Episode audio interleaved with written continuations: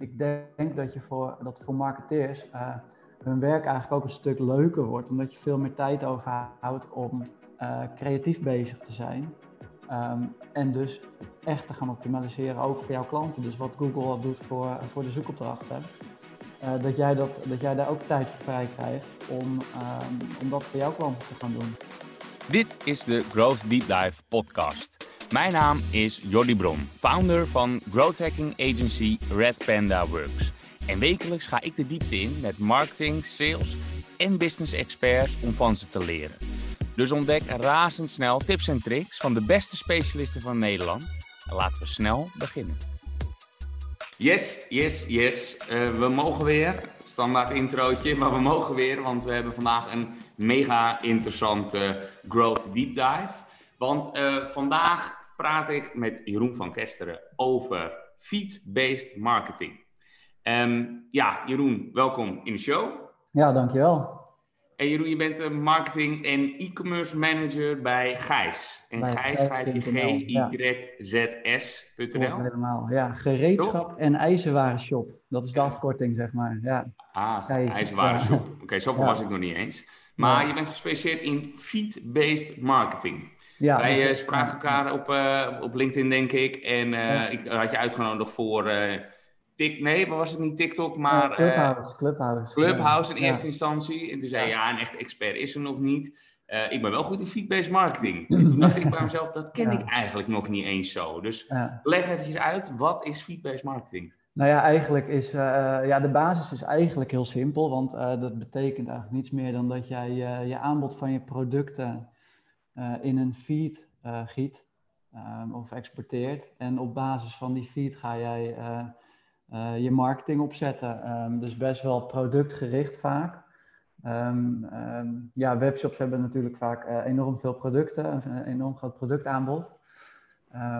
en door dat in een feed te, gieten en die feed aan te bieden bij verschillende kanalen, kun je natuurlijk heel snel jouw hele productaanbod um, adverteren zeg maar, op, op, op Google Ads, uh, shopping uh, en verschillende marktplaatsen. Um, ja, dat is eigenlijk de basis, dat is de eerste stap, zeg maar. Ja, maar daarmee automatisch interessant, want het is geautomatiseerd, maar ja. dus voor de grotere webshops met heel veel producten. Ja, in principe wel. Kijk, als je 50 producten hebt, dan kun je natuurlijk redelijk snel uh, advertenties aanmaken en aanpassen en ook optimaliseren. Ja.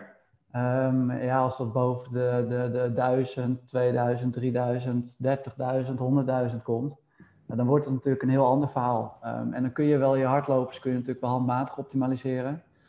Ja. Um, maar ja, eigenlijk als je een webshop hebt, dan heb je meestal wel meer producten. Uh, ja, meestal een heel groot aanbod. Ja. Om ook de kans zo groot mogelijk te maken dat je natuurlijk sales hebt. En om rele of relevant te zijn voor je klanten. Ja. Um, dus ik denk dat het voor de meeste webshops wel interessant is. Um, ja.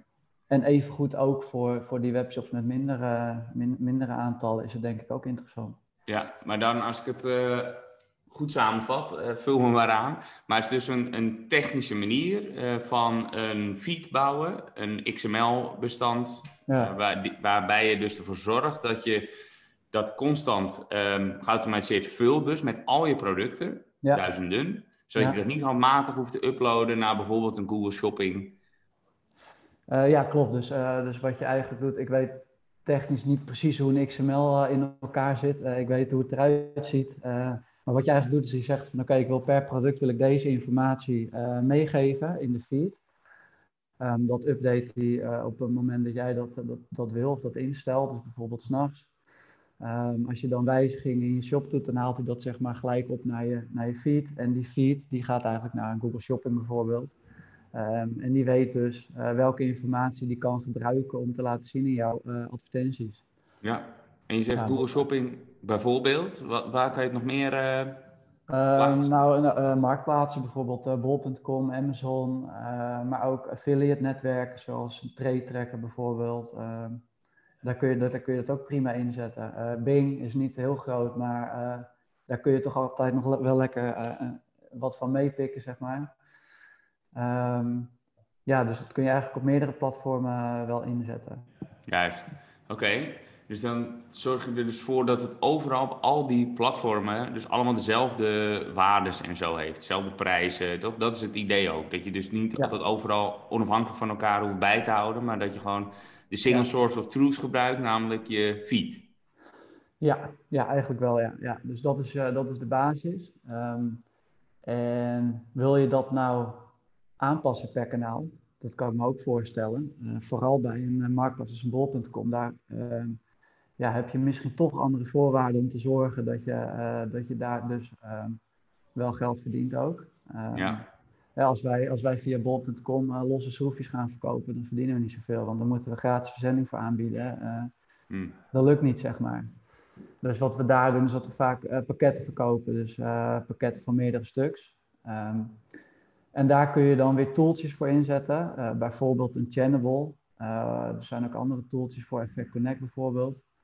Om te zorgen dat je um, jouw feed die je aanmaakt, dus je basisfeed, dat je die weer kan aanpassen en dus een soort ja, licht aangepaste feed weer door kan sturen naar de, de marketplace um, ja, of naar Google Shopping.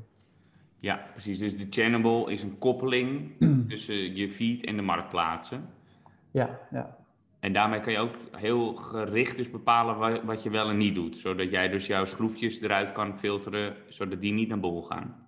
Ja, bijvoorbeeld. Of dat die op een andere manier naar bol gaan. Dus dat we zeggen van oké, als, als het product naar bol gaat, um, dan willen we alleen dat die per zoveel stuks uh, verkocht gaat worden. Oh ja. Um, dat is voor dat soort producten ook heel logisch. Uh, dus dan ja. kijken we er ook naar van hey, uh, in het verleden um, kochten mensen deze producten altijd in x aantal stuks. dus dat is een logisch aantal zeg maar, om aan te gaan bieden op bol. Ja. Bijvoorbeeld. Juist klinkt um, technisch. Volgens mij is dit wel een van de meest technische varianten binnen de marketingwereld.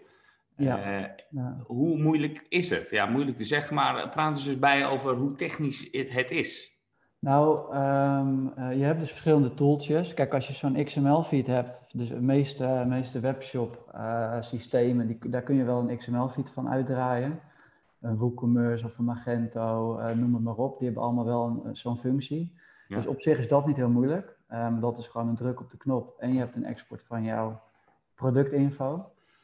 Um, als je dat vervolgens koppelt aan een Effect Connect, dat wij voor Gijs gebruiken, of een, een Channable, wat we dan voor andere shops gebruiken, um, dan kun je in Channable redelijk eenvoudig uh, wel die feeds aanpassen en doorsturen naar, de, naar het juiste kanaal.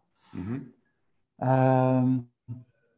waar het lastiger wordt, is uh, het moment dat je gaat kijken naar, oké, okay, uh, we sturen het nu door, we sturen een prijs door, uh, maar wat moet ik nou eigenlijk voor bot instellen bijvoorbeeld in een Google Shopping? Eh, dus wat mag ik, ja, wat mag een advertentie kosten?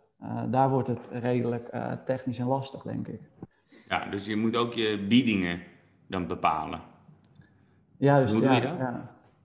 ja, dat is, dat is een heel ander dat is een heel ander verhaal. Uh, Daar kunnen we een, hele uitzending over vullen. Nou, nou bijna wel, maar dat, dat is wel, uh, denk ik, ook heel belangrijk voor je, voor je feed marketing. Uh, wat, wat interessant is, is dat je bijvoorbeeld een aanbod hebt van 40.000 producten. Um, als daarvan uh, zeg 10% maar veel verkocht wordt en de rest eigenlijk bijna niet. Um, dan, ja, dan heb je in potentie dus nog 90% van je producten wat je uh, meer of uh, ook zou kunnen verkopen. Wat gewoon online staat, waar je ook wat mee kan. Ja. Um, nou, die hardlopers, daar kun je op zich op een gegeven moment wel een soort van prijs van bepalen. En daar weet je op een gegeven moment wel van, um, van oké, okay, dat moet ik ongeveer bieden. En uh, daar heb ik een bepaalde marge in. ik weet als mensen dat kopen, dat ze vaak ook nog iets, iets bijbestellen en dergelijke. Um, van die andere producten weet je dat vaak niet, omdat ze uh, nooit verkocht worden of heel af en toe maar is. Ja. Um, stel je voor dat een, een bepaalde hardloper, een doosje schroeven, uh, wordt altijd verkocht met een, uh, met een machine en, uh, en nog een paar andere producten. Dan weet je dus dat op dat doosje schroeven mag ik best wel veel uitgeven. Want ik weet als mensen dat doosje schroeven gaan kopen, dat ze ook nog andere aankopen erbij doen. Ja, juist. Als je een ander doosje schroef hebt wat nooit verkocht wordt, dan weet ik niet of dat hetzelfde geval is natuurlijk. Dus dan weet ik niet of ik hetzelfde kan bieden. Ehm, en als je dan een ROAS target gaat berekenen, dan kan het wel eens zijn dat je, um, dat je veel te, uh, hoe zeg ik dat, hoog zit in je ROAS target. Omdat op basis van de verkoop van het ene, ene product, ja, moeten wij eigenlijk dat uh, als iemand klikt, zeg maar, dan moeten, moeten we bijna direct dat dode schroef verkopen, want anders is het onrendabel. En met ROAS target, return on ad spend, wil je dus aangeven dat je automatische biedingen meer opleveren dan ze kosten, plat gezegd. Ja, en dan heb je in de ROAS, ROAS, ja, nee, ROAS is zeg maar je return on ad spend inderdaad. Dus eigenlijk letterlijk je omzet, uh, wat terugkomt uh, voor je uh, kosten die je uitgeeft in Google Ads. Um, next step is eigenlijk je POAS. Um, wij noemen het nog steeds ROAS, alleen eigenlijk berekenen we een POAS en dat is je pro profit on ad spend inderdaad. Ja. Um, want het kan best zijn dat je een hele leuke ROAS hebt, uh, maar dat je onderaan de streep dus niks overhoudt omdat je marge gewoon te laag is. Ja. Dus wat je uh, moet gaan doen is dat je per product eigenlijk moet weten wat je qua winst nog uit mag geven aan uh, kliks in Google Ads. Ja. Maximaal, zeg maar. Um, en dat wil je mee gaan geven per product. Oh, wauw. Dus per product ja. bepaal je dan hoeveel kliks en voor een bepaalde CPC er dus maximaal gemaakt mag worden, zodat je een positieve POAS hebt. Dus een altijd meer winst overhoudt dan dat ja, het kost. Juist, juist ja. ja. Um, dat, is, dat is letterlijk uh, wat, we, wat we doen. Dat is een enorm complexe berekening. Ja. Uh, er was ook geen uh, systeem voor, dat hebben we zelf ge ge gemaakt, zeg maar. Um, daar zijn we echt, echt maanden, bijna een jaar mee bezig geweest, denk ik, om, dat, om tot die berekening te komen. Uh, want je gaat constant, kom je tot een berekening, die blijkt dan weer niet goed te zijn, moet die toch weer aangepast worden. Um, en daar zit echt best wel veel in. Um, je kan je voorstellen, als je, wij zagen bijvoorbeeld dat mensen die altijd een pot, uh, bepaald pot vet kochten, uh, kochten daar ook altijd een, uh, een rol dispenser bij, zeg maar, van, dat, van het papier om je ja, handen af te vegen. Logisch, om je handen af te vegen. Ja, dus, dus die pot vet, of dat papier is gerelateerd aan je pot vet. Je pot vet is eigenlijk wat je wil verkopen en dat papier, dat kopen ze erbij. Ja. Um, Oké, okay, dan denk je, hey, we zijn weer op iets, dat is interessant. en dat is voor heel veel producten natuurlijk zo, dat er een bepaald product de, de verkoop drijft, zeg maar. Mhm. Mm -hmm. um, en dan wordt er wat bijverkocht. Maar het is niet per definitie zo dat als mensen op zoek zijn naar een rol papier, dat ze dan ook die pot vet erbij kopen. Terwijl die pot vet, dat is waar we aan verdienen en dat papier misschien niet. Ja.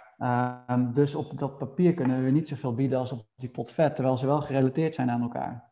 Ja, ja, ja. Oké. Dus dan moet je gaan bekijken van wat is de kans dat, uh, uh, dat dus de, de pot vet zorgt voor de aankoop, want dat weet je ook niet precies. Ja. Ja, daar kun je aannames op doen. Uh, ja, zijn aannames, maar is het ook veel kansberekening in dit vak? Ja, dat, ja, dat is meer kansberekening inderdaad. Dus wat is de kans dat uh, dat potvet dus voor die uh, aankoop heeft gezorgd? Dus je kan natuurlijk wel kijken van hoe vaak is het in combinatie met elkaar gekocht en wat was dan waarschijnlijk uh, het product waar ze op zochten. Ja, zo. Ja. Ja. ja, dan krijg je veel relaties tussen al je producten. En zeker als je 10.000 producten hebt, wat jullie hebben volgens mij, dan ben je ja, daar wel zoet mee. Ja, we hebben nu meer 40.000 producten. Um, en uh, voor elke order is die berekening eigenlijk anders. Dus elke order die we ooit gehad hebben, heeft die berekening. Um, en daar komt uiteindelijk natuurlijk wel een gemiddelde uit. Ja. Maar in principe is voor elke order, ja, dat is echt zo'n berekening. Dat, ja, ja, ja. Daar lig ik niet over. Dat is echt gewoon, dat is, ja. Ja, je moet dat heel, maar... heel, goed erbij zetten van dit betekent dat en dat betekent dat. Omdat we op een gegeven moment ook niet meer weten wat we uh, aan het uitrekenen zijn, zeg maar. Zo. Dus we, wow, we willen wel, uh, we willen ervoor waken dat we uiteindelijk niet meer weten wat we, wat we berekenen, zeg maar. Uh, ja. Het kan natuurlijk dat die, die berekening die verandert ook nog steeds. Ja. Die wordt steeds scherper eigenlijk. Um, en er was eigenlijk geen partij uh, die wij konden vinden die dat op die manier deed. Dus dat zijn we maar zelf gaan doen eigenlijk. Ja. Ja. Wow. Nou ja, cool. En ik kan me voorstellen dat je veel slimme koppen daarvoor nodig hebt. Ja, ja. Uh, hoe, hoeveel man werkt er uh, hieraan? Ja, nou nog minder dan je zou denken. um, ja, ik, heb, ik heb wel een paar jongens op de marketing uh, zitten hier. ik werk heel veel samen met, met de oprichter ook en de eigenaar van Gijs. En die heeft ook, ja, samen hebben we eigenlijk zeg maar die, die ideeën van hoe dat zou moeten werken. Mm Het idee hebben, zeg maar, dat komt vaak hier vandaan. en dan gaan we met onze technische ontwikkelaars gaan wij, sparren om te kijken of we kunnen overbrengen wat wij zouden willen, ehm, wat ons doel is, zeg maar. En zij hebben daar dan vaak wel input voor om uh, uh, dat op een technische manier op te lossen. Uh, wij zijn in, ja, per, ja, in principe niet technisch. Um, en eigenlijk hebben we altijd zoiets van, ja, het, is niet, het, het kan niet onmogelijk zijn om dat te mm. bouwen. Misschien ja. is het veel werk, misschien is het moeilijk, maar het kan niet onmogelijk zijn. Ja. Ehm, dan kijk ik een beetje naar zo'n Elon Musk of zo, om, om een uh, mooi voorbeeld te noemen. Uh, als, hij, uh, als hij mensen naar de, naar de maan kan sturen en dergelijke, dan moeten wij ook een polsberekening kunnen maken. Ja, ja. Dat, en, dat blijkt, en dat blijkt ook, want dat kan ook gewoon. Alleen het, het proces om daar te komen is gewoon lastig. En ehm, ik denk dat op een gegeven moment heel veel bedrijven wel afhaken op een punt dat ze denken: van, ja, dit wordt te complex en te moeilijk we gaan het toch op een andere manier oplossen, want het kost gewoon te veel tijd. Ja, dat kan ik me helemaal voorstellen. Maar jullie hebben dat dus allemaal zelf bedacht, die berekeningen ook allemaal zelf opgebouwd. Ja, ja en dat is echt. We hebben een ontwikkelteam in, uh, in India zitten, voor, die uh, ja, voor ons ontwikkeld. Ja. En ja, dat is uh, maandenlang aan de telefoon hangen eigenlijk. Zo. om, ja, telefoon, ik heb Skype. Ja, ja, ja. Okay. Dus op zich is dat tegenwoordig ja. handig, want we hebben gewoon direct contact met die gasten. Um, en ja, wat vooral lang duurt, is natuurlijk die relatie opbouwen en laten um, ja, zorgen dat zij snappen wat wij bedoelen, zeg maar. Juist, ja. ja. Oké, okay, dan gaan we zo nog even verder op, op door. Maar ik heb, om even een goed beeld te krijgen van hoe jij erin staat, heb ik drie stellingen. En je mag uh, ze beantwoorden met eens of oneens en later uitleggen waarom je dat dan uh, als antwoord gaf. Um, ook voor dit is namelijk de eerste. Ook voor kleine webshops is feed-based marketing interessant. Ja, eens. Oké. Okay. Um, feed-based marketing, ja, dat wordt nog veel groter in de toekomst. Ja, eens. Om een goede feed-based marketeer te kunnen zijn, moet je kunnen programmeren. Oneens. Oké, oké, interessant. Eens, eens en oneens. Laten we met die eerste beginnen, want je zegt ook voor kleine webshops is het wel interessant. Ja, nou vooral ook om, ehm, wat ik al aangaf, je kan dat best wel handmatig allemaal doen. Uh, maar wat je voor jezelf eigenlijk creëert als je dat um, soort van geautomatiseerd gaat doen, vanaf het begin al. Uh, stel, jij begint een webshopje met, uh, met, met 10, 20, 30 producten, weet ik veel. Je hebt iets gevonden en dat werkt en dat gaat goed. Dan kun je dat allemaal handmatig gaan doen. Maar als je vanaf het begin al zorgt dat jij dat in een feed-based manier doet, um, en dus ook koppelt met al die marketplaces en dergelijke, ja. Uh, dan kun je er uh, ja, zelf voor zorgen dat je eh, ten eerste meer tijd overhoudt, dat je het slimmer doet, uh, maar dat je ook gemakkelijker kan gaan nadenken over het toevoegen van andere producten. Ja, dus, dus je kan klein beginnen ja. en dan misschien sneller gaan groeien. Ja, zo. Want in het begin kost het automatiseren hiervan en met feeds werken meer tijd dan wanneer je het handmatig zou doen. Maar er is een vrij snel dus een, een kantelpunt, zeg jij.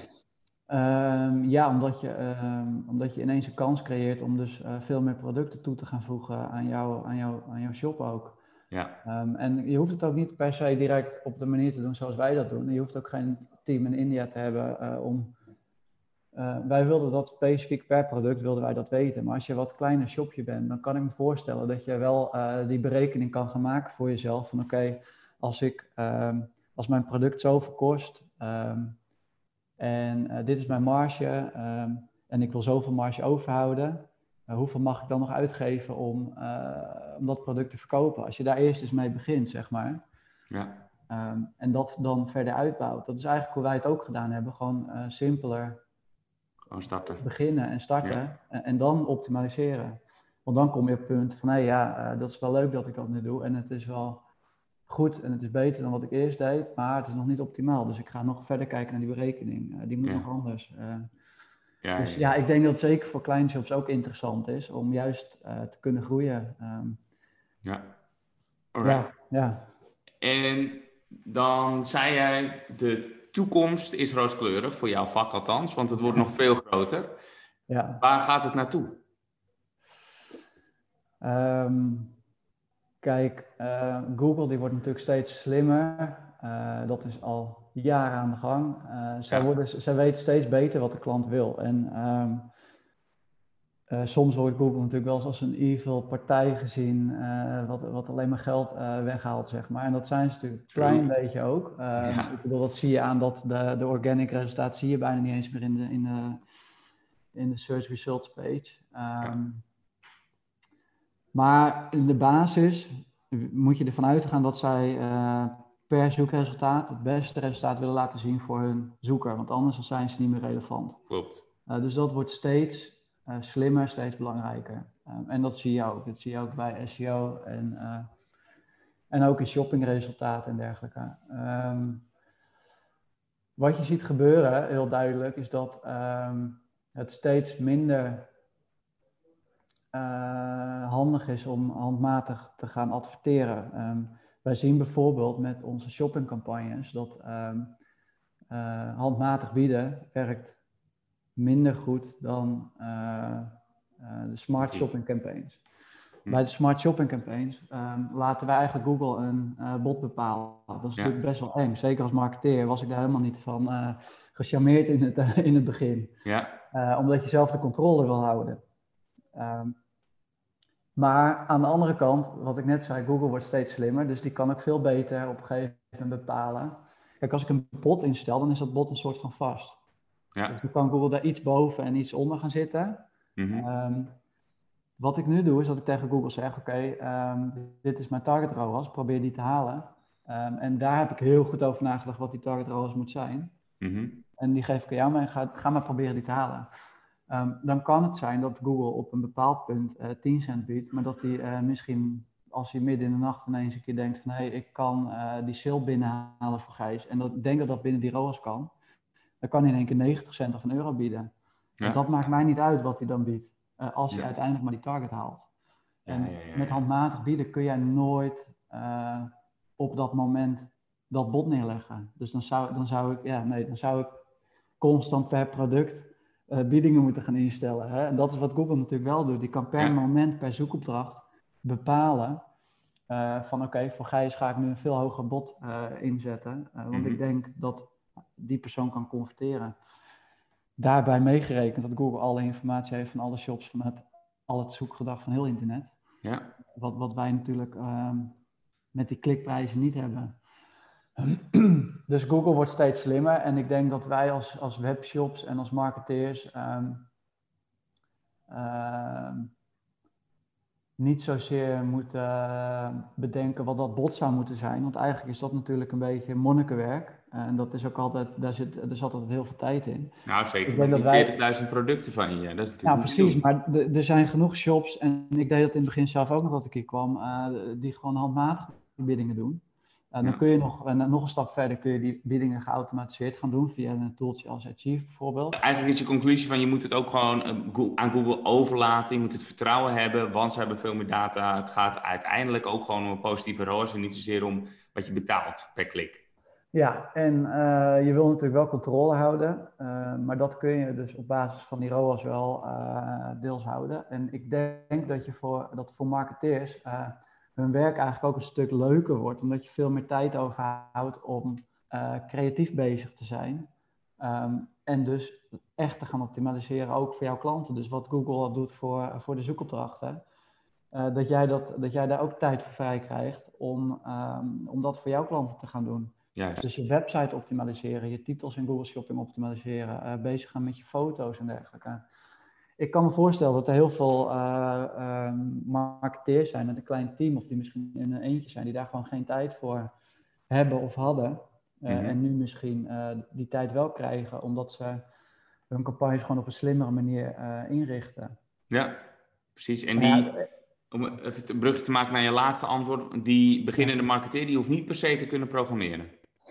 Nee, absoluut niet. Ik kan ook niet programmeren. Ik bedoel, ik weet, uh, ik weet een beetje van, uh, van HTML en uh, ja. ik kan een WordPress websiteje opzetten, maar daar houdt het ook wel een beetje op. Okay. En wat ik in het begin al zei, een XML-feed, ik weet wat het is en ik weet wat ik ermee kan, maar ik weet ook niet precies hoe dat opgebouwd wordt.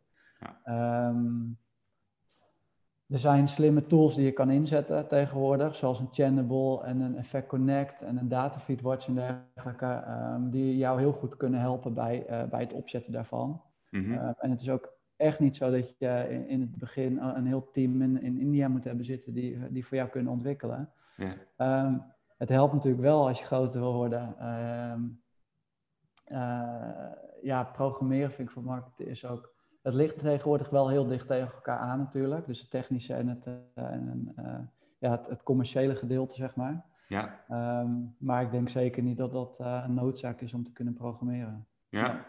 Ik heb nog een andere vraag. Wat is de meest gemaakte fout? Ik hoor heel veel dingen waar je, waar je op moet letten. Wat, maar waar gaat het nou juist wel vaak mis? Nou, waar je waar je heel goed op moet letten uh, bij het aansluiten van zo'n tool bijvoorbeeld, um, is uh, zo'n tool kost ook geld per maand, best wel veel vaak. En dat is prima, want ze hebben vaak ook goede oplossingen. Kun je me een range geven uh, waar moet ik aan denken? Ja, en wat voor tools? Dus, ja, bijvoorbeeld een Achieve of zo, dat soort tools, zeg maar. Die zorgen dus ja, voor de feed in die koppelingen. Uh, wat Achieve voor ons toen de tijd deed, toen we daar nog aangesloten waren, is um, het bepalen van een bot op basis van de data die ze binnenkregen. Dus er zit best wel een slim, uh, slim systeem achter. Okay. Um, tegenwoordig uh, zijn ze ook meer bezig met smart shopping, als ik het goed heb. Um, waar, je op moet, waar je voor moet waken is dat je niet talloze tooltjes inzet daar, en daar maar voor gaat betalen. Mm -hmm. en dat jouw omzet niet navenant stijgt, zeg maar. Of jouw jouw uh, marge eigenlijk.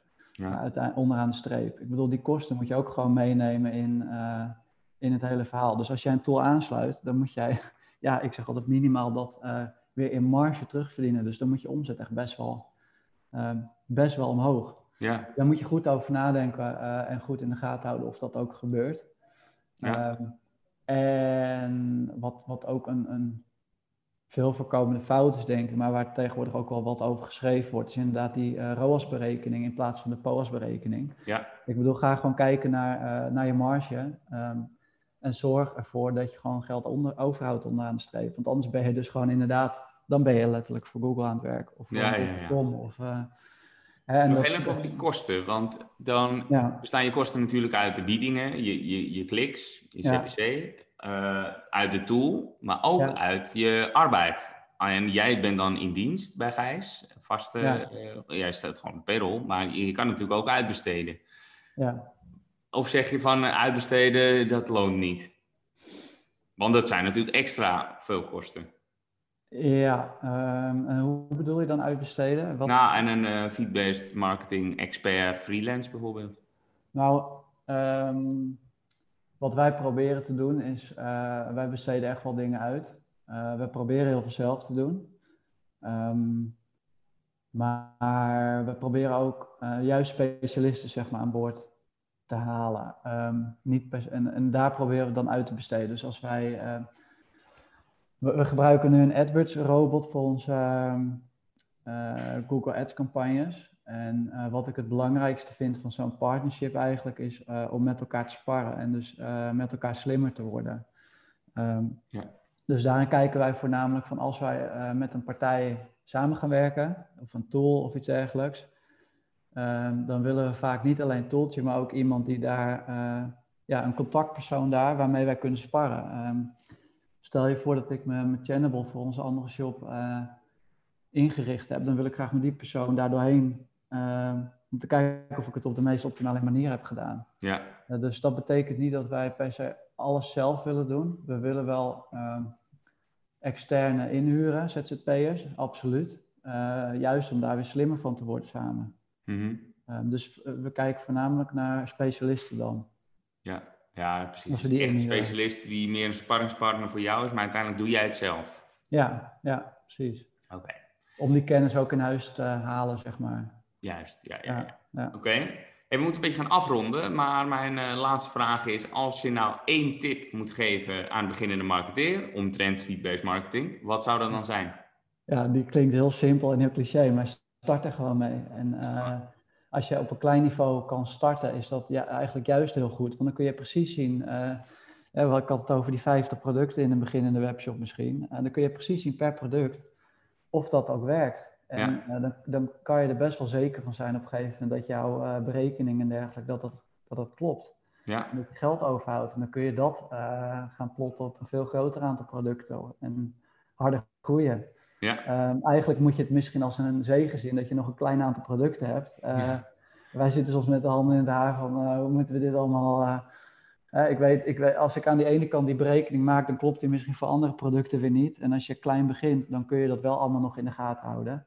Ja. Ehm, dus ik denk dat dat juist heel mooi is. Dus begin daar gewoon mee. En uh, zorg er daarmee voor dat je dus tijd vrij speelt om veel creatiever bezig te zijn. En jouw webshop dus uh, te kunnen optimaliseren voor jouw klant. Ja, ja. Juist. Oké, ja, goede tip uh, lijkt me. Gewoon starten, just do it. En learn by doing. Ja, Wees blij dat je nu nog klein bent. Ja, ja. Nice. En, en, ga lekker groeien inderdaad. Ja. Mooi. En als mensen vragen hebben over feedback marketing, kunnen ze bij jou terecht? Ja hoor, absoluut. Vind ik leuk om, eh, om over te sparren. Uh, Jeroen.gijs.nl, uh, daar kun je altijd een mailtje sturen. Ik, vind, ik, ja, ik spar ook veel met andere ondernemers. Um, daar is het onder andere zo'n clubhouse ook leuk voor. Ja. Om gewoon lekker over die onderwerpen te hebben. En dus samen ook slimmer te worden daarin eigenlijk. Juist, top. Ja. Alright, dan wil ik je bedanken Jeroen en dan wens ik je heel veel succes met je feedbased marketing en ik uh, zie wel een Google Shopping voorbij komen. Helemaal goed, jij ook bedankt. Yes, alright, succes. Dankjewel. Yes, dit was hem weer.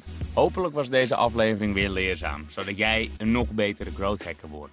Heb je zelf ideeën voor onderwerpen of wil je zelf te gast zijn als expert?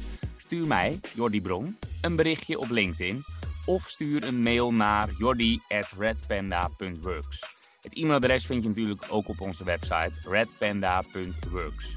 Ik wil je dan nog iets vragen en dat is om een eerlijke review te geven. Voor growth hackers is het namelijk super belangrijk om feedback en daarmee data te verzamelen. Dus ben ik benieuwd wat jij van deze podcast vindt. Laat het dus weten door een review te geven in je favoriete podcast app.